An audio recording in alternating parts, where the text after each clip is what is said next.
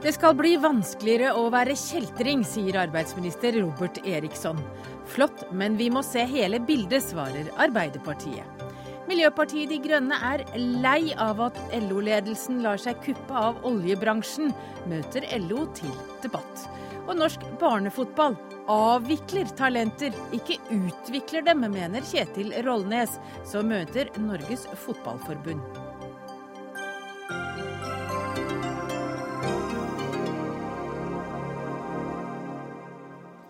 Velkommen til Dagsnytt 18. Jeg heter Hege Holm, og fram til klokka sju får du også høre at tidligere redaktør mener vi har for mange gatemagasiner som er lik Oslo. Og Maria Magdalena ble kuppet av Peter og Paulus. Egentlig er hun kristendommens grunnlegger, mener forfatter. Men før vi skal tilbake til alle disse sakene, så skal vi til ettermiddagens store thriller. For uh, vi skal uh, fundere litt. Har Ole Gunnar Solskjær fått sparken som manager for Cardiff, eller har han ikke fått sparken? Den engelske tabloidavisen The Sun skrev uh, i ettermiddag at han var på vei ut av klubben. Men i hele ettermiddag skal han ha vært i møte med klubbledelsen. Og jeg vet ikke, Patrick Stan Rowlands, du er sportsreporter her i NRK. Du er ekspert på engelsk fotball. Hva er det nytt i saken? Altså Det som er i hvert fall helt sikkert å si, er at eh, han har ikke fått sparken ennå. For det er ikke blitt bekreftet fra noe som helst offisielt eh, hold. Eh, og da tenker jeg på klubben, som ofte da er de som er ute, og, først da kan vi få det bekreftet. Vi vet at Ole Gunnar har vært, eller er, i møter i London sammen med styreleder Mehmet Dalman. Noe mer enn det vet vi ikke eh, foreløpig, så det er ikke noe bekreftet. Men et sånt møte eh, dreier seg fort om én eh, eller to ting. Enten så får han beskjed om at eh, nå må du få orden på laget og rett og slett bare få noen resultater, og han får litt mer tid. Eller så får han beskjed om at eh, nok er nok, og nå har du fått sparken. Men foreløpig så har vi ingenting bekreftet fra, fra klubben. Og det er vel ikke akkurat lønnspålegg han får i dag, for de har vel tapt de tre siste kampene og ligger på 17.-plass etter syv serierunder, og det er liksom nest høyeste divisjon. Ja, nå skal ikke jeg si sikkert, det kan godt hende han får det, men det kan jeg nesten garantere at han eh, ikke får. Dette er et lag som skulle kjempe om opprykk igjen etter at de rykket ned i fjor. Og eh, så langt så har det ikke gått Torsdags vei. Sesongen startet eh, greit, men nå har det vært fire kamper uten seier. Tre av de har endt med tap, to av de på hjemmebane. Cardiff-fansen er svært interessert i at Solskjær skal gå. Det er meningsmåling på Wales Online, det nettstedet som følger Cardiff veldig tett.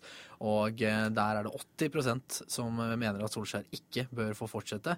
Men vi vet i eh, Cardiff at eh, eier Vincent Tan han bryr seg ikke så veldig mye om hva supporterne sier.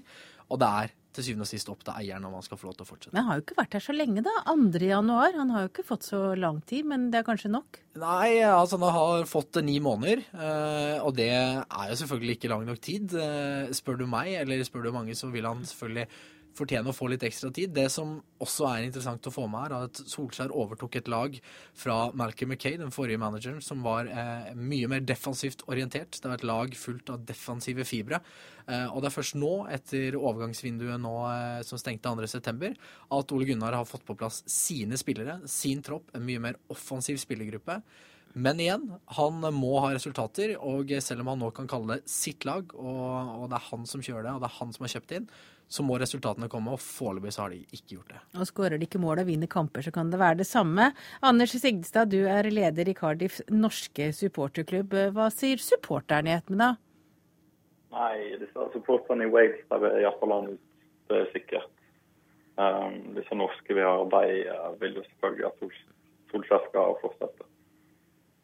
At de fleste vil at han skal fortsette? Ja, absolutt. Ja, de norske. Hvorfor det? Mange Nei, det er mange av, mange av de norske supporterne som har blitt Cardiff-fans pga. Eh, Solskjær og Dæhlie og, og Eikrem og Berge som kom over. Hva tenker du når du hører rykter om at eh, han får sparken i ettermiddag, og det står eh, på The Suns forside? Nei, jeg, jeg, tror ikke han kommer til å få sparken. Jeg har hørt om at han får iallfall to kamper til av noen, og så er det noen som sier at han kommer til å kunne fortsette fram til neste låntakspause, i alle fall. Og hvis ikke får resultater kommer før den tid, da, da er det fyke. Har du hørt lignende rykter, Ovlens? Jeg har ikke hørt lignende rykter, men eh, det er som sagt én av to ting. eh, Og det snakkes om Jeg har snakket med flere britiske eh, journalister og, og, folk som jobber tett på Cardiff i dag. Og det mange av de sier, og det som jeg også har tenkt, er jo at Vincent Tan, eieren, han er en mann som liker å ha rett, rett og slett. Han, han, som sikkert Anders kjenner til, han bryr seg ikke så mye om fansen. Han skiftet emblemet, han skiftet draktfarven. Han bryr seg om å ha rett. Det så vi på den forrige manageren, skandalen som var der sånn. Og Vincent Tan kjørte den helt ut, for han vil ha rett. Og hvis han skal sparke Ole Gunnar Solskjær nå, så må han innrømme at eh, han tok feil for ni måneder siden. Han ansatte feil mann. Og det tror jeg ikke han er klar til å gjøre ennå. Jeg tror at eh, Ole Gunnar Solskjær kan få fram til juletider. Eh, men da må resultatene komme, og det er to kamper nå, mot Derby og mot Sheffield Wednesday, og der må Ole Gunnar Solskjær ha resultater. Men, men hva er det med gode norske fotballtrenere? Altså Henning Berg han gjorde det bra i Norge, Ståle Solbakken gjorde det strålende og i både Norge og Danmark. Drillo gjorde det bra, og så dro de ut i utlandet. Alle fikk sparkene. Nå vet vi jo at Deila sliter i Skottland også. Nei, Det er merkelig, og det er jo synd for norsk fotball. For vi, vi trenger og vi har lyst på å ha en, en, en eksportvare av, av, trenere. Og vi får det jo ut. Dette er jo den gylne generasjonen eh, som gjorde det så godt når de var aktive fotballspillere, som nå reiser ut. Eh, og så er det kanskje at de har valgt feil klubber. Henning Berg, Ståle Solbakken, Wolverhampton og Blackburn. Det var vanskelige klubber å komme til. Det var vanskelig å få noe ut av det, og de fikk ikke nok tid. Håpet nå er jo at Solskjær Men er de rett og slett ikke gode nok? Ja, Det vet man ikke, men foreløpig så kan man jo rett og slett si at nei, det er det jo ikke. For det er i hvert fall de bevisene vi har hittil. De fungerer i Skandinavia. Eh, Solbakken i København, vi har Solskjær i Molde. Eh, vi har Berg som til en viss grad også har hatt eh, en suksessrik trenerkarriere hjemme, men de to andre mye mer, og Ronny Deila i godset. Men det fungerer ikke ute. Men nå er det tidlig å si. Han har ikke fått sparken. Solskjær, Nei, da, Solskjær har ikke fått sparken. Men, men hva gjør det med ryktet til norsk fotball? At de sender ut den ene treneren etter den andre, og så får de sparken etter kort tid? Jeg tror kanskje den norsk fotball tenker mer på det ryktet enn det utenlandske gjør. Jeg tror fortsatt Solskjær har et veldig, veldig stort navn i, i England, selv om han skulle fått sparken her. Takk til Anders Sigdestad, leder i Cardiffs norske supporterklubb, og takk også til deg, Patrick Sten Rowland, som er sportsreporter her i NRK.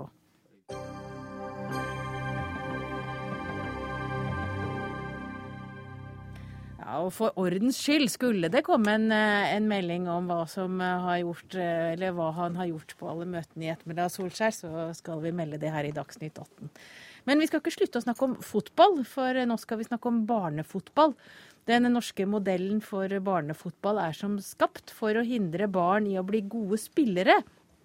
Det skrev du, Kjetil Rollnes, i en kommentar nylig. Du tror framtidens landslagsspillere vil komme fra familier som har råd til å betale barna inn på private fotballskoler. Du er sosiolog, men her er du vel først og fremst fotballpappa. Nå må du beskrive hvordan står det til med den norske barnefotballen? Nei, altså den er jo uh, organisert etter et litt uh, underlig prinsipp. Det er et slags sånn tilfeldighetsprinsipp. Altså at uh, barn mellom seks og tolv år skal være på et helt tilfeldig lag. Tilfeldig sammensatt lag, som da tilfeldigvis er skoleklassen. Og så skal de trenes av en helt tilfeldig person, som er en forelder. Og hva du da får ut etter disse seks årene, når de da er tolv år og skal over til ungdomsfotballen, det er altså helt tilfeldig. Noen har kanskje fått et godt tilbud. De fleste har det ikke. Og min bekymring er jo ikke bare for disse gode som ikke får nok, nok utfordringer fordi at de må spille på et lag som altså der man må legge vanskelighetsgradsnivå på, på et nivå der alle skal bli med. Men også de mindre gode, som jeg tror hadde hatt mye bedre av å, av å rett og slett få uh, mestring og trygghetsfølelse på det nivået de er på. Altså man, man, lærer mer om fotball hvis man kan terpe på basisferdigheter som kanskje de andre spillerne for lengst har forlatt. Uh, man får uh, mer kontakt med ball, og man får altså denne mestringen og tryggheten som, som forbundet ellers virker å være veldig opptatt av. Du går jo til og med så langt og sier at eh, norsk barnefotball avvikler talent istedenfor å utvikle? Ja, altså man kan jo tenke seg selv. Altså et klasselag er 15 tilfeldig uh, elever. Noen er det vi kaller blomsterplukkere når de havner ut på det grønne matta. Andre er driblefanter som kanskje har spilt eh, fotball siden de var tre år gamle. Hvordan skal du trene et sånt lag? Og hvordan skal de spille sammen på en måte som, som gir god utvikling for alle? Det er rett og slett umulig. Og det er i hvert fall umulig når treneren er inkompetent i utgangspunktet, altså er fullstendig uh, uprofesjonell. Og det er da de guttene og jentene som da senere skal bli toppfotballspillere i Norge og eh, komme til EM og VM og store turneringer. Kjetil Siem, du er generalsekretær i Norges Fotballforbund. Eh, når du hører beskrivelsen til Rollnes, eh, hvilke tanker gjør du deg? Nei, det, det, er ikke så vanskelig å følge en del av tankerekka av det en sier. Men jeg har lyst til å spørre Rollnes, vil du ha en sånn segregering i skoleklassen nå, eller? Gjelder det bare utenfor klasserommet, eller vil du ha det inne i klasserommet òg? Altså Inni klasserommet foregår det jo en, eh, en, lignende eh, Ikke segregering, men det foregår jo noe som vi kaller tilpasset læring. Altså Man tar utgangspunkt i de ferdighetene som elevene har. Hvis noen er god å lese, så får de lese eh, Harry Potter. Hvis noen er dårlig å lese, så får de barnebøker. Eller unnskyld, bilde, så får de billedbøker. Ja. Ikke sant? Eh, hvorfor kan man ikke gjøre det samme? Altså Hvis dette er mulig å gjøre i enhetsskolen, hvorfor er ikke dette mulig å gjøre i breddefotballen? Ja, Du har et blomstrende syn på norsk skole, skjønner jeg, og det syns jeg er fantastisk. Men, men, nå er det ikke skolen vi skal diskutere her, Stjem, det er fotballen? Jo, takk for avbrytelsen. Men jeg, jeg, må få lov å si at det er akkurat dette vi gjør i fotballen. Det er akkurat det han etterlyser. Men jeg er veldig enig i at vi har mye å gå på, og det er vanskelig å ansette trenere profesjonelt i 2000 klubber med kanskje ti lag i snitt per eh, klubb. Det har vi ikke på en måte ressurser til, og vi får ikke samfunnsoverføringer til å gjøre det. Men, men prinsippene er der. Altså, Det er lov å trene mer i norsk fotball. Men for mange så er fotballklubben og fotballaget en videreføring av klassen. Altså Det er et sosialt sted å være, og det å være sammen og den sosiale biten er viktigere. Og det må vi òg ha plass til. Vi kan ikke ikke gjøre plass til det som bruker fotballen som en sosial arena. Men det farlige er hvis det blir et hinder for dem som har lyst til å bli god, som, som Kjetil her er opptatt av, og det er vi alle opptatt av. Men den balans, balansen er den vanskelige. Ikke hindre dem gode å bli gode, men samtidig ta vare på alle. For hvis all fotball i Norge slutta i morgen, hva er det verst for?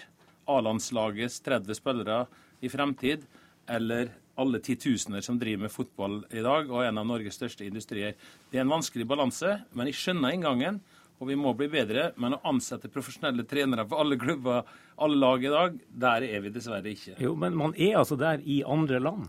Nei, det er en ikke. Jo, altså i veldig stor grad så bruker man uh, kvalifisert utdannede trenere i, uh, altså i, i Nederland, i, i Belgia, i, i uh, Island.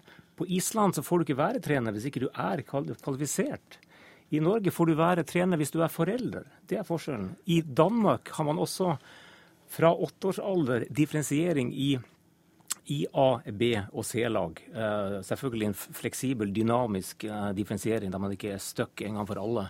Men det fungerer der. Altså, det er veldig mange av disse modellene som handler om differensiering og profesjonelle trenere, som fungerer veldig bra i andre land og gir resultater i uh, utvikling av spillere. Det ser vi jo hvordan det går med f.eks. det islandske landslaget etter hvert. Men det er vel et eh, økonomisk spørsmål, om du har råd til å hyre inn ja, det, Har vi dårlig råd i Norge? Det lurer jeg på. Eh, nei, det er ikke sikkert vi har, hvis samfunnet tar et, et større ansvar for fotballen skal være enig. Men, men det er litt sånn eh, veldig generaliserende det som som Rollens nå sier. fordi at Island så er jeg enig, de gjør det på en annen måte enn i Norge. Men der er det ikke et eh, Fotballen er, en helt, spiller en helt annen rolle. Men den danske modellen er veldig lik den norske. Nederland det fins ikke topping i Nederland før tolv år.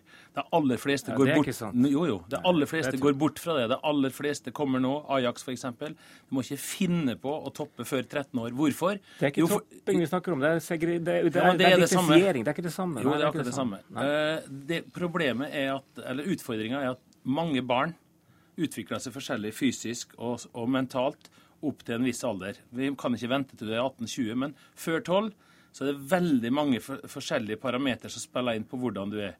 Hvis vi begynner å segregere, eller hva, altså, toppe, hva vi skal kalle det, så kan vi drepe veldig mange talent i 8-9-10-årsalderen som føler seg som tapere, som kan komme igjen og gjøre det veldig bra i 13-14-15-årsalderen. Og av de som har gått på akademi fra 6 til 12 år, hvor stor er prosenten av dem som blir toppspillere i Tyskland f.eks.? Jo, det er mindre enn 1 Og da spørs det er det verdt det å, å satse på det han sier på så ung alder. Nei, det er ikke det for den ene prosenten. Det men det han har rett i, det han har rett i, det er, Ja, men- er basisferdighetene. Lek med ball. Allsidigheten. Det er jeg veldig enig i. Men, men hvordan eh, Altså gode talenter, for jeg vil eh, tro at uh, dere ser hvem som er talentene. Hva slags tilbud får de? Det, det vanligste tilbudet, eh, og med all respekt, vi må bli bedre på, på alle nivå eh, i fotball som i alle andre de, deler av vårt samfunn. Men det er det å få lov å trene mer, det er, det, det er den vanligste. Og så få lov å spille med dem som er eldre enn deg sjøl. Det er de to vanligste. For jenter så er det å få spille med gutter som er den vanligste måten å, Men å vel å merke, altså det er jo det som kalles for hospitering. ikke sant? At enkeltspillere som er veldig gode, kan få lov til å gå opp på, på et øvre alderstrinn og spille der. Men det jeg etterlyser, det er hospitering av lag. At det f.eks. er mulig å sette sammen et lag av de mest motiverte, flinkeste spillerne som kan gå sammen, danne et lag, eventuelt et ekstra lag der de fortsatt kan ha kontakt med, med det opprinnelige laget. Og så kan de spille mot spillerne som er på et, på et høyere nivå. Ja, altså, det- det- er lag, problematisk. lagdifferensiering er noe som NFF i sine egne papirer sterkt advarer mot. Og de bruker også uttrykket mangfold av av ferdigheter som et sånt idealbegrep om noe som egentlig er et stort problem, som kalles ferdighetssprik. Men du, supertalentet Martin Ødegaard, han har sjøl sagt at han har trent alene på Løkka i timevis under hele oppveksten, og at eh, han tror sjøl at det er derfor han er blitt så god. Kan det kanskje handle om iver framfor profesjonelle trenere, Rollnes? Han hadde jo en supertrener i sin far. Altså, Du kan jo være heldig å få en god trener i din egen far, eller at det er en annen eh, veldig eh, dyktig, kanskje tidligere aktiv spiller som er, eh, som er trener på, på ditt lag. Men det er altså helt tilfeldig. Og jeg tror at hvis du deltar i et miljø som består av spesielt motiverte spillere, kanskje også er med på et privat akademi, så blir du også mer motivert til å drive med egentrening. Det var det vi rakk om fotball i denne sendinga fra Dagsnytt 18. Takk til Kjetil Rollnes, sosiolog og fotballpappa. Takk til Kjetil Siem, generalsekretær i Norges Fotballforbund. Dagsnytt 18 alle hverdager klokka 18. På NRK P2 og NRK2.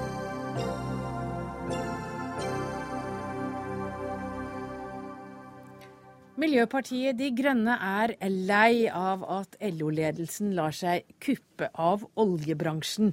I VG i går advarte LO-lederen mot å kutte for mye i klimagassutslippene i Norge, og nå etterlyses et miljøopprør i organisasjonen. Og Hilde Opoku, du er nasjonal talsperson for Miljøpartiet De Grønne. Nå må du forklare oss hva er som er galt med LOs miljøprofil? LO er en stor og viktig politisk aktør i Norge, og det LO bestemmer seg for, det får stor innvirkning på norsk politikk. Det som vi så i den kronikken mellom LO-lederen og NHO-lederen i går, hadde mange gode tegn i seg. Det er mye vi kan være enig i, særlig det som er knytta til aktiviteter på land. Men når det kommer til holdninger til oljeindustrien, så mener vi at det er en fallitterklæring fra LO at man freder oljeindustrien i Norge i forhold til de store CO2-kuttene som må gjøres fremover. Ja, hva er det helt konkret dere egentlig ønsket å høre eller lese?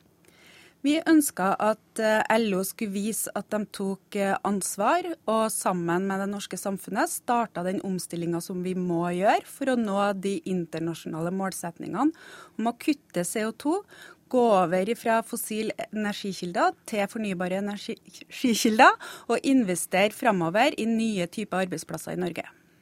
Og Hans Christian Gabrielsen, du er nestleder i LO. Tar dere ikke ansvar? Jo, det er nettopp det LO gjør. Eh, Så det er jo relativt oppsiktsvekkende at eh, Miljøpartiet De Grønne går ut og kritiserer LO på den måten de gjør, og eh, nærmest oppfordrer forbund til å gjøre opprør mot vedtak de selv har vært med å fatte. Så det er åpenbart at man ikke helt kjenner de demokratiske prosessene som skjer i norsk fagbevegelse. Vi har gode og grundige prosesser som manifesterer seg hvert fjerde år når vi har kongress, og det hadde vi i fjor. Og Der fatta vi mange og gode og kloke vedtak, og et av dem var bl.a. knytta til petroleumssektoren, hvor vi slår fast at vi eh, ønsker et fortsatt jevnt aktivitetsnivå på norsk sektor. Så det at man går ut på den måten og oppfordrer til å gjøre eh, revolt mot egne vedtak, det er jo rimelig spesielt, da, for å si det litt forsiktig. Dette var jo et utspill som kom samme dagen som eh, Stoltenberg og Erna Solberg for så vidt også la fram en ny FN-rapport som viser at vi har veldig dårlig tid hvis vi skal snu om, sånn at ikke verden eh, står overfor dramatiske klimaendringer som vil påvirke alt liv på jorda. Og Da syns vi jo at det er rimelig at uh, demokratiet i LO også er i stand til å snu seg rundt, sånn at vi faktisk er med og gjør viktige bidrag i forhold til den framtida som våre barn og barnebarn skal leve i. Ja, hva, hva, var liksom, hva var det dere så som dere mislikte så sterkt at dere nå går ut og oppfordrer LO-medlemmene til opprør? Det er jo nærmest eh, det at man eh, sier at de klimaforlikene som er gjort av norske politikere, Eh, er symbolpolitikk. Man tar det ikke på alvor. Man vil ikke være med på den felles dugnaden som vi må nødt å ha skal vi nå målene. Ja, med, med, respekt å melde, det der er tøv. Eh, LO står eh, last og brast ved klimaforliket. Det gjorde vi når det ble inngått. Eh, det var ambisiøse målsetninger som ble fastlagt eh, den gangen. Eh, og de har jo ikke blitt mindre krevende etter at Mongstad-prosjektet ble, ble skrinlagt. Eh, det blir krevende, men det er mulig. Men det krever jo at regjeringen også nå, eh, i forbindelse med statsbudsjettet, er langt mer offensive enn det de har signalisert så langt. Så langt så har de sagt at vi skal utrede mulighetene for et nytt fangst- og lagringsprosjekt i Norge. Det er altfor puslete. Det må langt mer kraftfulle tiltak til. Eh, så vi står på klimaforliket. Det har LO gjort hele tiden. Å hevde noe annet blir altså helt feil. Hvilket ansvar mener du at LO har i klimakampen, ettersom du nå går så aktivt ut? Eller dere i Miljøpartiet De Grønne? Eh, vi tillegger LO stor makt i norsk politikk, så vi mener jo at de bør være en eh, foregangsorganisasjon. Og det er jo flere forbund i LO som eh, har gått lenger enn det LO sentralt vil gjøre. Vi har selvfølgelig respekt for de demokratiske kanalene, men det er også mulig å endre kurs underveis når man ser at ting peker i feil retning. Og Norge har i dag høyere Det er ikke bare det at du er litt uenig med det Geir Kristiansen gikk ut og sa, da? At du var opptatt av at du må tenke globalt når du skal tenke kutt, og ikke nødvendigvis nasjonalt? Vi er helt enig i det, vi, at vi skal tenke globalt, og både handle lokalt, men også globalt. Miljøpartiet De Grønne vil bruke 1% av BNI i året, dvs. Si 25 milliarder, like mye som staten i dag subsidierer leiteaktiviteten leteaktiviteten på norsk sokkel med til å investere i klimafond som gjør at omstillinga også kan skje i fattige land. Mm. Så vi er, jo, vi er jo ikke vi er, vi er, jo helt eh, enig i det med at vi skal både gjøre ting ute og hjemme, men vi syns ikke at vi gjør nok hjem. Og vi er bekymra for at ikke næringslivet i Norge omstiller seg raskt nok til å møte de kravene som det internasjonale samfunnet Og dere er redd for at LO tenker for mye på arbeidsplassene? Nei, snarere tvert imot.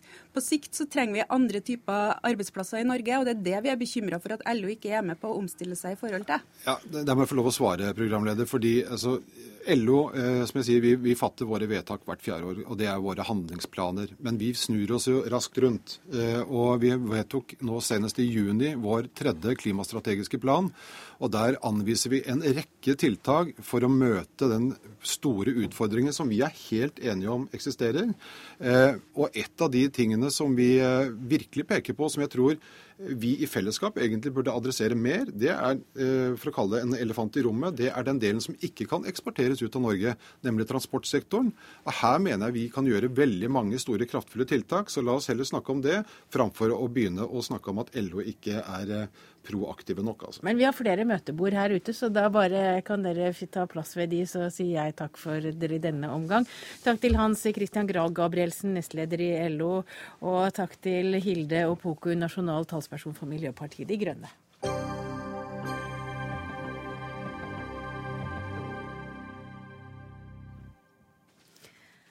Alle som ønsker assistert befruktning, må legge fram politiattest. Det foreslår Bioteknologirådet. Men ikke alle er enig i det. Noen mener at det er en utidig innblanding i folks privatliv. Først til deg, Torolf Holst Larsen. Du er gynekolog, og du er også medlem av Bioteknologirådet. Nå må du forklare oss hvorfor du vil kreve politiattest fra personer som vil få barn ved hjelp av assistert befruktning. Jo, nå er det jo allerede lovfestet at eh, pasienter som kommer til assistert befruktning, skal gjennomgå en psykososial og medisinsk eh, vurdering, og at det er legen som fatter vedtaket om behandling. Og i løpet av de 15 årene jeg har jobbet med disse, så er det jo kun unntaksvis at, at du stusser på parenes omsorgsevner. Stort sett så de, er det skikkelige folk som, eh, som, helt sikkert har gode omsorgsevner. De få gangene vi har stusset, så hadde det vært veldig greit å ha et eh, system henvende, eller en etat hvor man kunne henvende seg for å få utredet de videre.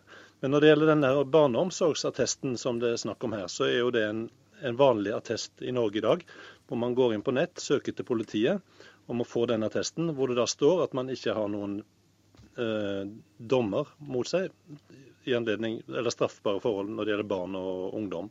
Og Dette er jo attester som alle som jobber med barn og ungdom, må forevise sin arbeidsgiver eller sitt uh, idrettslag.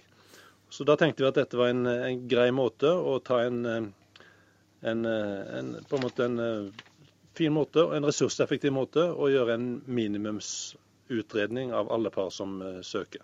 Og Jeg tror ikke at de nødvendigvis vil føle at, at, de blir stigmatisert av den grunn. De fleste ønsker at barn som blir født med assistert befruktning, skal få gode oppvekstvilkår. Renate Kursus, du er styreleder i Ønskebarn. Det er en interesseorganisasjon for folk som strever med å få barn.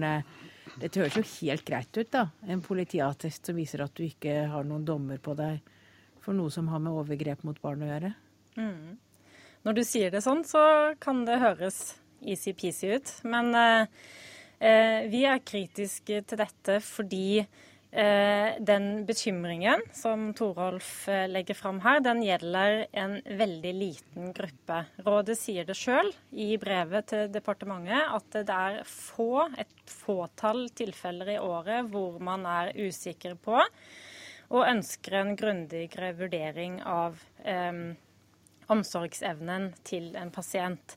Eh, da syns vi det er urimelig at eh, en, en, hel pasientgruppe skal kunne kreves å fremlegge politiattest. Og jeg syns ikke det passer å sammenligne dette med eh, et frivillig verv i en idrettsforening eller eh, den slags. Vi snakker om det å bli foreldre. Eh, jeg kan ikke komme på en annen diagnose i Norge hvor man må vise politiattest for å få, eh, bli vurdert for å få behandling. Eh, og jeg kan heller ikke se at ufrivillig barnløse skal være en gruppe fremtidige foreldre som må ha som generelt grunnlag at de skal dokumentere på en måte plettfri vandel før de setter i gang eh, og skal få barn. For det gjør ingen andre foreldre eh, i Norge heller. Da blir det jo stigmatiserende da? Holst Larsen?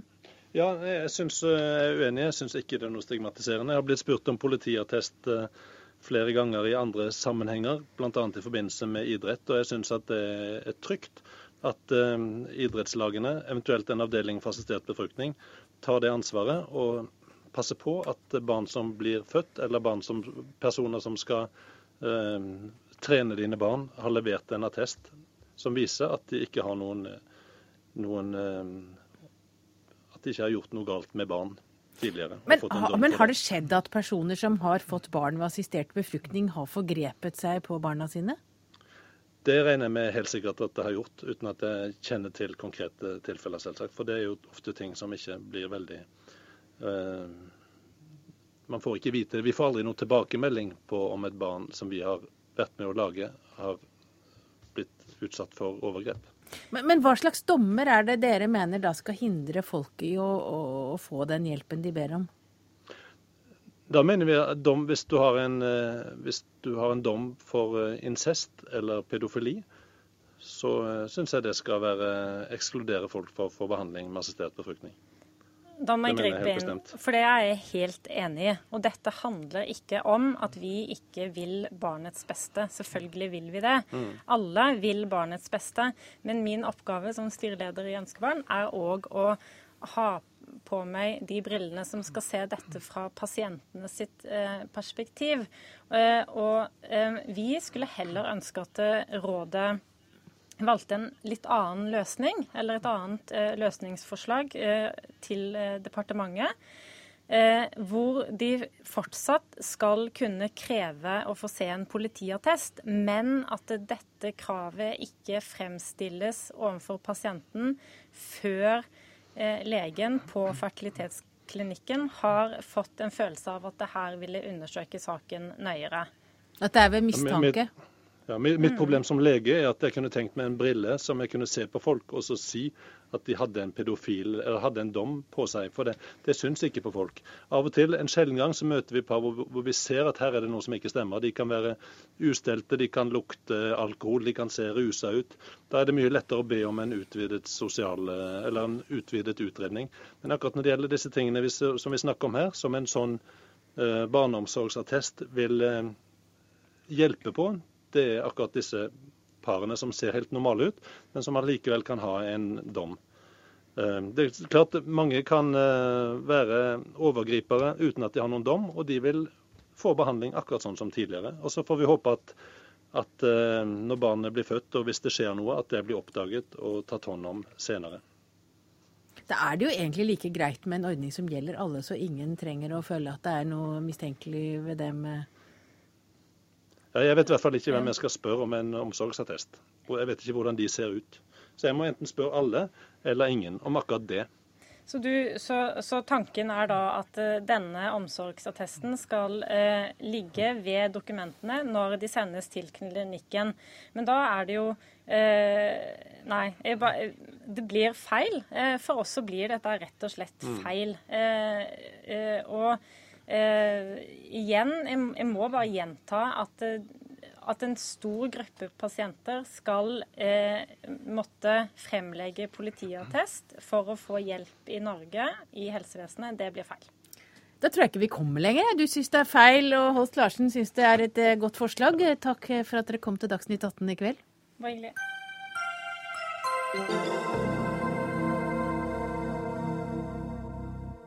Har vi egentlig for mange gatemagasiner i Norge? Ja, det sier Ann Lov Mathisen, tidligere redaktør av Er lik Oslo til Dagbladet.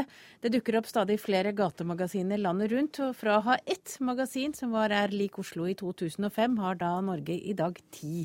Og Ann Lov Mathisen, eh, du har til og med sagt at du syns det er trist for de narkomane at det nå er ti magasiner i stedet for ett.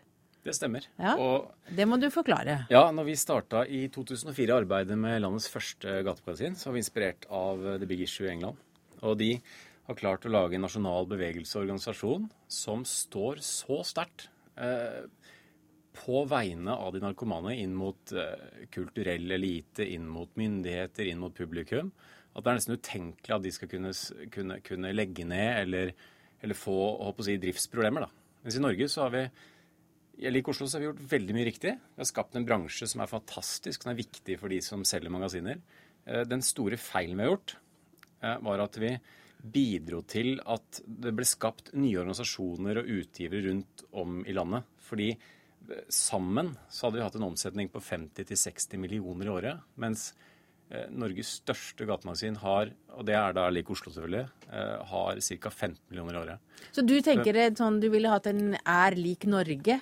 Det kunne hett hva som helst. Det kunne vært Sorgenfri eller Megafon Norge. Hva som helst. Poenget her, grunnpoenget er at denne jobben er for de narkomane, eller for rusavhengige eller utstøtte mennesker. Marginaliserte grupper.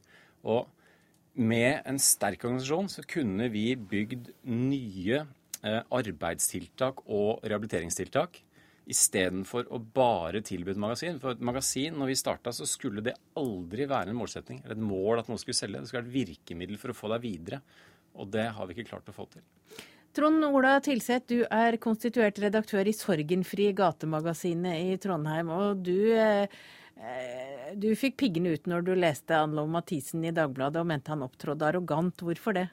Jeg ble jo ganske provosert da når han sier at uh, sorgen, altså, unnskyld, Jeg liker Oslo var et friskt pust da de kom, og etterpå sier at det nå er ti magasiner i stedet for ett og at det er veldig trist for de narkomane. Han sier at konseptet er blitt vanna ut, men jeg kan ikke se at det Sorgenfri f.eks., som eksisterer i dag, eller for den del Virkelig i Tromsø eller Ekko i Bodø, skal være noe utvanna versjon av det som var Jeg liker Oslo da det kom. Nei, for all del. Eh, jeg, eh, som jeg har sagt til venner i løpet av dagen også, jeg syns jo selv når jeg var redaktør i Jeg liker Oslo, at Særlig deres magasin i Trondheim, Sorgenfri, og Megafon i Bergen. Og Asfalt i Stavanger, og virkelig Tromsø, har til tider vært bedre enn Allik Oslo. Eh, det går ikke på kvalitet i det hele tatt. Eh, med utvanning så mener jeg egentlig bare en organisatorisk, strategisk prosess som burde endt med en, et, som har et gigantisk potensial for å kunne endre livene til narkomane og bidra til en rusomsorg som er på hæla. Eh, og Det er det veldig mange som er enig i. Og Istedenfor å oppnå det, så har vi oppnådd veldig fine og kredible magasiner og veldig fine lokale tiltak, men så stopper det litt der, og det er litt synd. Og det tror jeg vi kanskje er enige om at forutsatt det potensialet, så hadde det vært fint eh, hvis vi hadde klart å samarbeide veldig mye tettere. Er du enig i det, Tilseth? Jeg mener at vi allerede i dag har et veldig bra samarbeid mellom de her eh, gatemagasinene som eksisterer. Vi utveksler jo redaksjonelt stoff, vi gir hverandre tips. Vi deler bilder og tekster gratis med hverandre.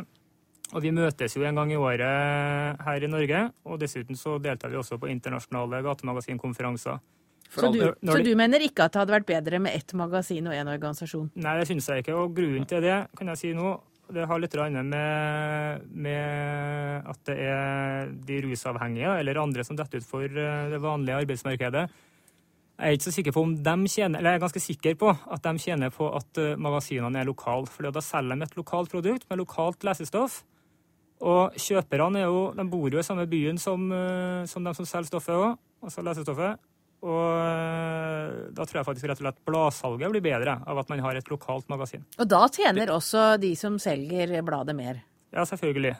Det, det kan godt hende er riktig. Og jeg har vært med å starte seks eh, magasiner, og alle sammen har vært lokale, så jeg er ikke noen motstander av lokalt innhold og tilhørighet. Eh, poenget mitt er én sterk organisasjon. Hvis du ser for deg et big issue i England eller i Australia, gjerne med lokale utgivelser, men én organisasjon som kan Eh, være i stand til å ha styrken til å rigge arbeidstiltak for de unge rusavhengige som går rundt og ikke bør selge et magasin. De bør faktisk få et annet tilbud.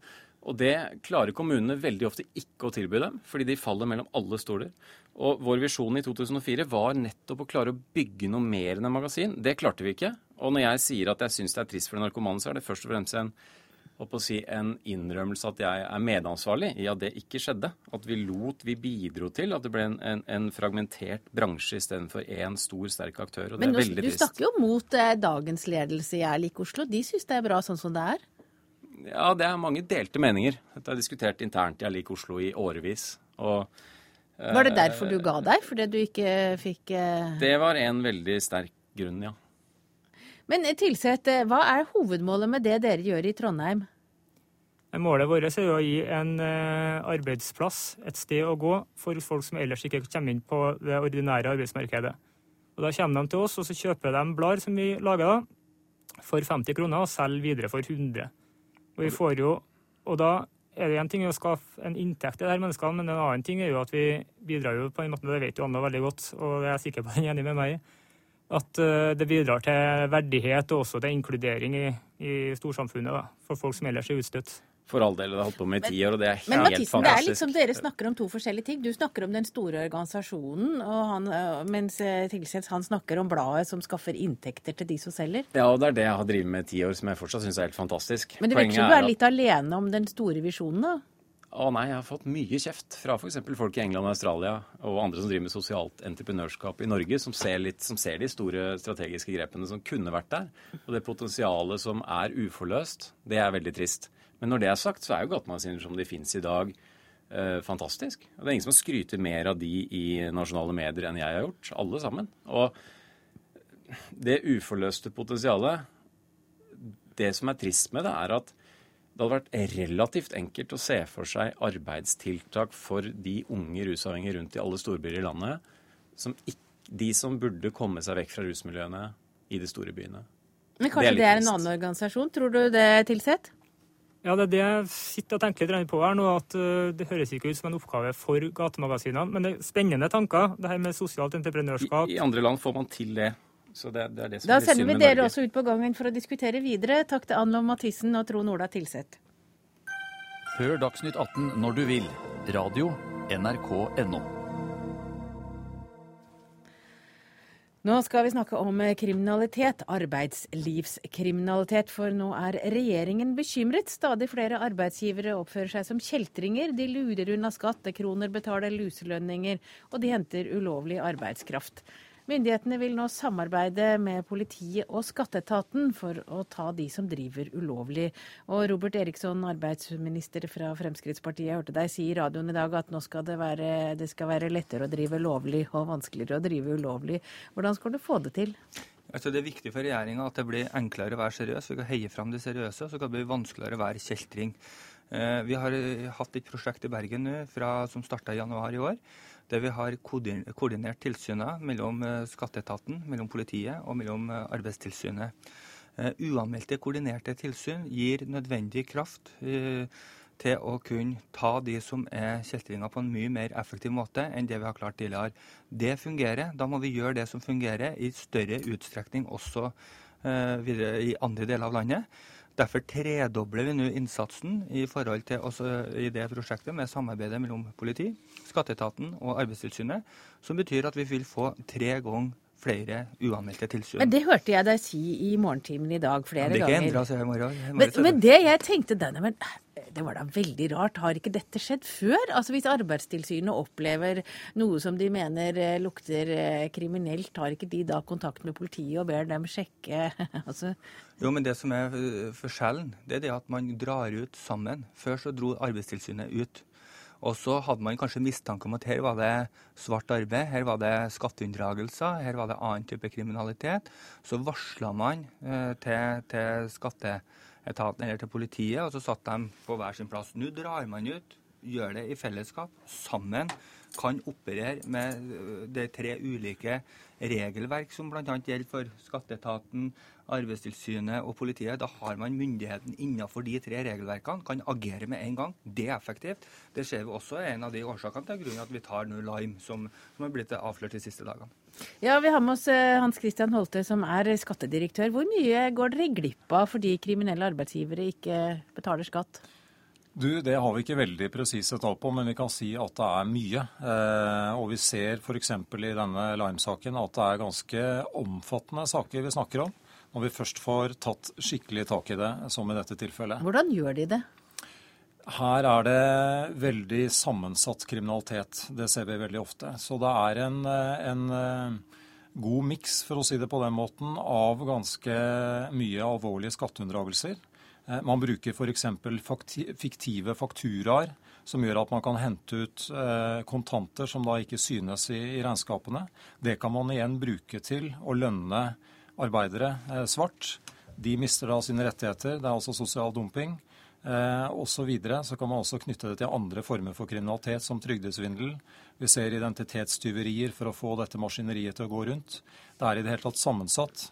Samarbeid som, eh, som vi har vært inne på allerede her, det er helt avgjørende for å lykkes med det. Men, men når da de som jobber hos deg aner ugler i mosen, for jeg vil tro at en del de ser at her er det ting som lukter. Er det nå da sånn at da kan de bare trykke på en knapp, og så, liksom, så, eh, så går det opp i en større enhet, og politiet kommer, Arbeidstilsynet kommer, og så diskuterer man hva man skal gjøre? Altså, Er det så enkelt? Eh? Vi får mye til med samarbeid i dag, og Bergen er nevnt som eksempel. Det syns jeg også er et godt eksempel. Altså samordnede tilsyn. Eh, helt klart gode resultater. Lime-saken, tilsvarende eksempel. Politiet og skatteetaten oppdager eh, det vi ja, kan kalle Kom den fra dere? Den kom eh, også fra oss, eh, og vi ser at vi har jobbet med ja, Også noen... fra dere, hva mener du med det? Ja, Det jeg mener med det, er at vi gjennom samarbeidet med politiet får avdekket at dette er mer komplisert enn det så ut fra vår side, og det så ut fra politiets side. Det er også noe av grunnen til at vi har jobbet så tett med dette sammen med flere andre.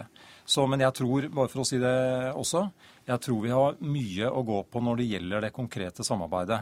Så det å få eh, styrket det, eh, som det nå ligger an til, det er jeg veldig positiv til. Dette høres jo ut som eh, vakker musikk i dine ører, Anette Trettebergstuen. Du er stortingsrepresentant for Arbeiderpartiet, eller? Jo, absolutt. Vi syns det er veldig bra at arbeidsministeren og regjeringa nå lytter til NHO og LO, som lenge har etterlyst handling. Arbeiderpartiet har også vært utålmodig lenge, eh, og det er veldig bra det ministeren nå kommer med. At de skal fortsette å fokusere på det vi var opptatt av når det kom til tilsyn. Nettopp at eh, etatene må få de ressursene de trenger, og de må få mandatet og muligheten til å kunne samarbeide bedre på tvers. Men jeg må kan vi jo, se- da må Jo, jeg nesten si det vi har sagt her i dette studio i mange måneder nå. Men dere har jo hatt muligheten til å gjøre det samme Ja, i mange men, det er år. jo, ja, men vi, har, vi har hatt fokus på kontroll og straff. Men hvis man skal komme arbeidslivskriminaliteten til livs, så må man kjøre to spor. Som all annen kriminalitet så kan man ikke bare forebygge på kontroll og tilsyn og på straff av eh, de kriminelle. Det fungerer ikke. Man må også, på nei, man må også ta tak i det forebyggende. Eh, og der gjorde vi en enorm innsats i åtte år. Eh, den har eh, til dels fungert. Den har blitt evaluert. Og det, viser seg at, det sier seg at det hadde vært mer av den type kriminalitet dersom vi ikke hadde gjennomført de tre handlingsplanene vi gjennomførte. Men jeg er opptatt av at hvis arbeidsministeren og regjeringa nå mener at de skal komme arbeidslivskriminaliteten til livs, så er det første regjeringa bør gjøre hvis man skal tenke forebygging, er å skrote det høringsforslaget de nå har ute, der de åpner opp for mer midlertidige ansettelser, mer innleie av arbeidskraft, og der de også foreslår å fjerne et av de viktige eh, redskapene fagbevegelsen har i kampen mot arbeidslivskriminalitet. Å gjøre det i dagens situasjon med et så stort omfang av arbeidslivskriminalitet, det vil bare være å helle bensin på bålet. Da kan du fort forklare sammenhengen Ja, mellom midlertidig ansatte og der vi, der vi finner mest sosial dumping og arbeidslivskriminalitet, det er i bransjer der det er mange midlertidig ansatte. Eh, arbeidskraft som kommer raskt inn, går raskt ut. Det er uoversiktlige forhold på, på arbeidsplassen med mange innleide, mange underentreprenører og den type ting. Dette er, eh, dette er en, en, en anerkjent eh, sammenheng. Og det å, å fjerne og svekke grunnplanken i det norske anstendige arbeidslivet, nettopp å åpne opp for mer av den type uoversiktlighet, det er å, å helle bensin på bålet i en ganske alvorlig situasjon. Ja, Det må Eriksson få svare på med en gang. Vi skal ikke diskutere midlertidig ansatte resten av tida, men du må få svare. Nei, jeg er veldig opptatt av at vi skal ha et trygt, eh, seriøst, godt og fleksibelt arbeidsliv. Eh, og så er jeg opptatt av at de som står utenfor arbeidslivet i dag, får en arena til å prøve seg fram på. Får et springbrett for å komme seg inn i faste stillinger. Det vi ser i dag, når vi ser f.eks. Lime-saken, det er jo nettopp det at her er ikke arbeidskraft som er organisert på noe mulig vis. Det er ikke folk som er, eh, har verken tillitsvalgte sammen med seg eller har organiserte bedrifter de er til. Her snakker vi om eh, en del menneskesmugling i verste tilfellene som vi har sett. Eh, vi ser det er folk som står langt unna arbeidslivet. Da vil det være mye viktigere for meg å sørge for at de får en fot innenfor det seriøse delen av arbeidslivet, enn at de blir stående igjen med begge føttene godt planta i det useriøse, svarte arbeidsmarkedet. Vi er også opptatt av at de 40 tiltakene vi gjennomførte i løpet av de siste åtte åra, veldig mange av dem var Fremskrittspartiet imot. Eh, Og man gikk eh, sågar til valg på at man skulle fjerne mange av dem. Nå foreslås det i hørings, høringsforslaget som nå ligger ute til høring, at man skal fjerne et av fagbevegelsens viktigste verktøy, altså kollektiv søksmålsrett. Eh, Det syns vi er synd. Det burde Robert Eriksson snu på. Det er dersom han mener at forebygging er viktig. Ja, det at fagforeninger kan gå til søksmål mot arbeidsgiver på vegne av eh, enkeltansatte. Men ikke bare det. Er, dere, er det slik at du skal ja, bevare Nei, men, men. Eriksson, Eriksson, Eriksson, Eriksson Altså, det betyr dette ja, men jeg spør deg, betyr det du nå sier i dag, at, dette, at dere skal ta dette på alvor, betyr det at de tiltakene vi har gjennomført, er de freda en gang for alle, eller kommer dere til å gå til angrep på flere av de viktige tiltakene mot sosial dumping? Det vil jeg ha svar på. Ja, nei, Jeg ser bare det som vi så på konferansen i dag, altså på møtet i dag. Fafo hadde en veldig god redegjørelse. som De sier at her er det en del ting som er iverksatt som ikke fungerer så godt. Eh, andre ting fungerer veldig godt. Da mener jeg det er viktig og riktig det som står i regjeringsplattformen, og som jeg ønsker å, gjennomføre. Nemlig vi skal evaluere alle de tiltak som er iverksatt. Så skal vi ta bort dem som ikke fungerer godt, og så skal vi erstatte det med noe som fungerer bedre. Det viktigste er at vi klarer å gjøre det enklere for dem som er seriøse, ikke mer byråkratisk og vanskelig for de seriøse. Og så skal vi bli mer målretta for å ta de som er kjeltringer. Og Og Der er dere vel sikkert helt enige, men Holte, du har etterlyst eh, klarere styrings, eh, styringssignaler. Hva er det du mener med det? Det jeg tenker er at eh, alt eh, konkret samarbeid det, det bunner i at man har noen felles eh, prioriteringer. Altså man må ville det samme. Jeg tror det at de ulike kontrolletatene som vi her snakker om, vi snakker om Nav, vi snakker om skatteetaten, vi snakker om politi og påtalemyndighet, de må få likelydende styringssignaler om hvor viktig dette er. Dette er et sammensatt og komplisert eh, problem som vi må løse sammen. Så der starter det. Så må det fortsette med en sånn felles vurdering av hvor vi da setter inn tiltakene. Men jeg tror faktisk at vi må starte med at eh, de ulike departementene må, må styre veldig tydelig på dette. Ja, det var en eh, oppfordring til Robert Eriksson. Det var det vi rakk om dette temaet i denne sendingen. Takk til Anette Trettebergstuen, Hans Christian Holte og Robert Eriksson.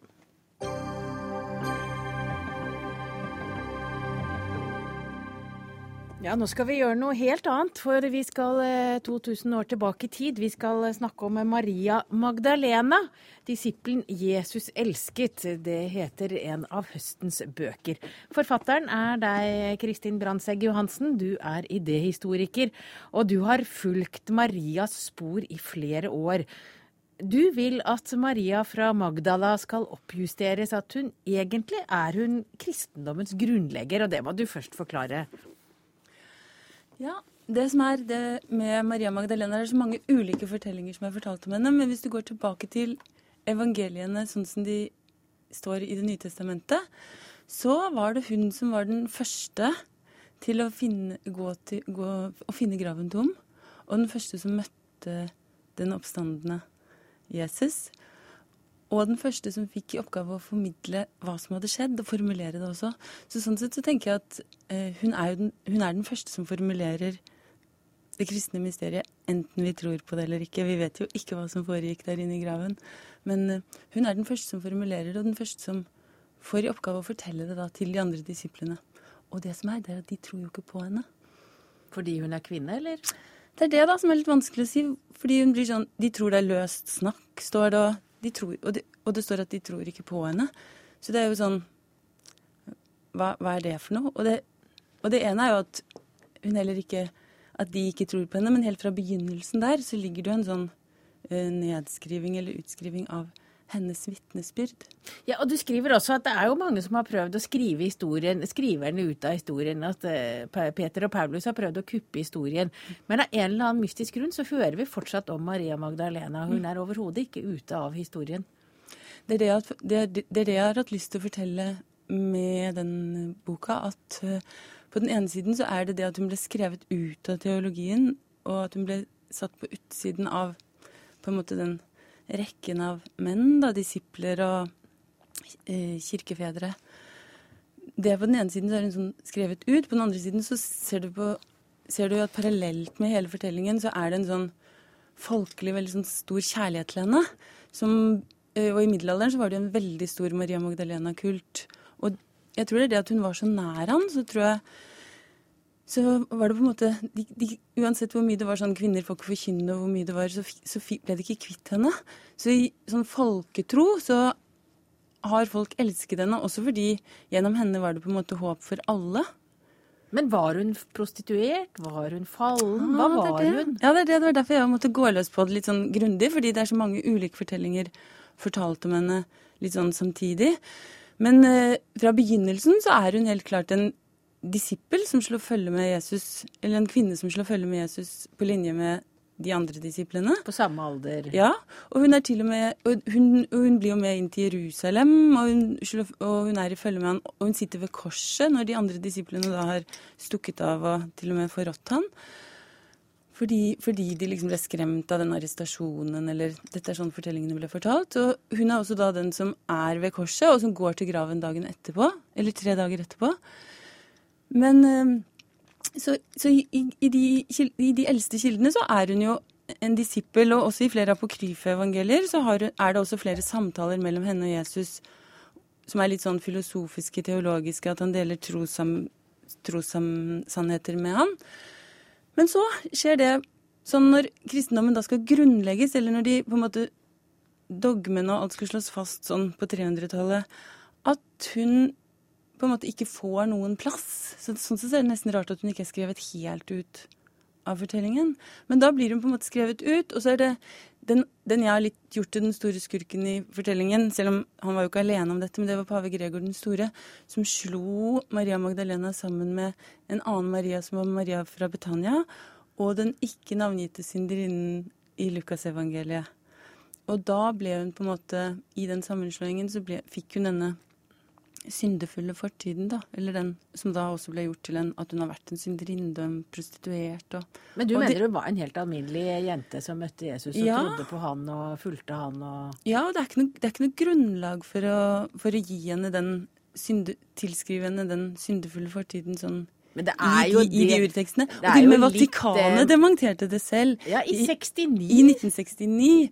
Og da gikk de ut og liksom Det er ikke grunnlag for å det er, det er ingen sånn fortid, det hefter ingen sånn fortid ved henne. Og det, også den sammenslåingen er noe som tradisjonen da har foretatt som er feil. Men det var det jo ingen som fikk med seg. Men det er jo det er, Var hun kjæreste med Jesus? Ja. Det er jo der det ligger litt, Ja, og det er det? det folk, folk elsker jo den fortellingen. Og Ja. også utenfor de troendes rekker med Jesus Christ Superstar. er kanskje og- mest utenfor? Ja. Ja, men, også, men det var det som var gøy med å lete fram den middelalderkulten rundt henne. da, At der òg har de liksom elsket henne nettopp pga. den samme nærheten til han. Og det som også er merkelig, er jo at hvordan kunne en kvinne liksom være alene være, Fordi nesten alle kvinner på den tiden er enten navngitt i kraft av sin far eller sin sønn eller sin ektefelle. Men hun er alene, og det var kanskje det også, som var noe sånn mistenkelig ved henne. Men det kan jo også tyde på at hun nettopp gikk i følge med han, og at hun hadde et veldig nært forhold til han. Men var de kjærester? Ah, det er jo, jeg tenker at jeg, jeg liker begge de fortellingene fordi det derre Stakkars Jesus, kunne det ikke være at, at det var et forhold mellom de, og det tror jeg også det er jo det alle, veldig mange skjønnlitterære forfattere, enten det er Dan Brown eller Saram, Saramago eller veldig mange har elsket den fortellingen. Og det er vanskelig å finne grunnlag for det i de, i de eldste kildene, men det, hvis det hadde vært det, så er det heller ikke sikkert de hadde om, omtalt det.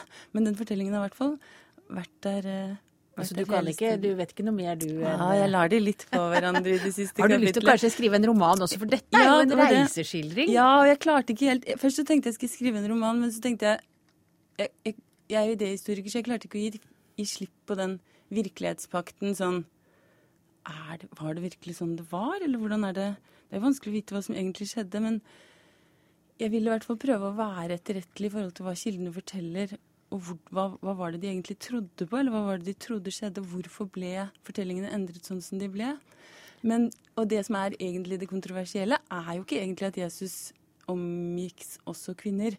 Og at han kanskje hadde et forhold til henne. Det er jo ikke det mest kontroversielle. Det mest kontroversielle er jo det at vi tror at han bare omga seg med menn. At det, at det er fortalt så mange ganger.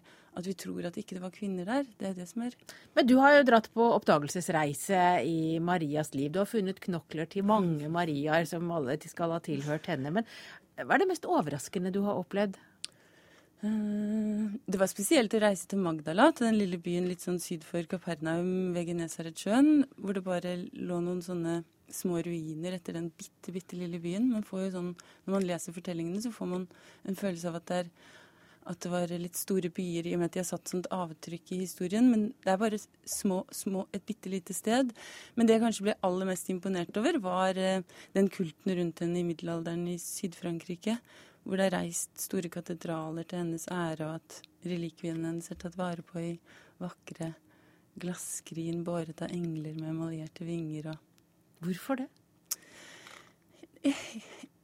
Hun, hun er liksom omtalt som Frankrikes store datter, og, at, og den kjærligheten til henne Jeg tror jo det nett, Og kanskje, kanskje, kanskje ble hun enda større nettopp fordi hun var en synderinne. Fordi at gjennom henne så var det håp for alle. At det var sånn Hun åpnet på en måte himmelens porter. Nå har, du, nå har du skrevet historien om Maria, og du er jo ikke alene. Som du sier, Dan Brown har jo akkurat skrevet henne inn i Da Vinci-koden. Mm. Hvor fortsetter historiene? jeg tror, jeg tror jo at de fortellingene ligger jo der som et sånn grunnriss for veldig mye hvordan vi tenker om kvinner og menn, eller tenker om Så det er jo, både- det er jo både sånne litt sånn drømmer og underholdning, men også sånn Men, men det er jo, handler jo også om politikk og mirakler og kjærlighet i skjønn forening. Så jeg tror, nok, jeg tror nok folk kommer til å fortsette å både dikte og Men jeg skulle jo ønske at teologene tok litt tak i hennes rolle og ga henne en liten oppjustering, for det har hun fortjent. Da har du sendt ut eh, den beskjeden. Takk for at du kom, Kristin Brandtzæg Johansen, forfatter av boka 'Maria Magdalena disippelen Jesus elsket'. Sendingen er over. Ansvarlig var Berit Ytrehus. Tekniske ansvar hadde Karl Johan Rimstad. Jeg heter Hege Holm.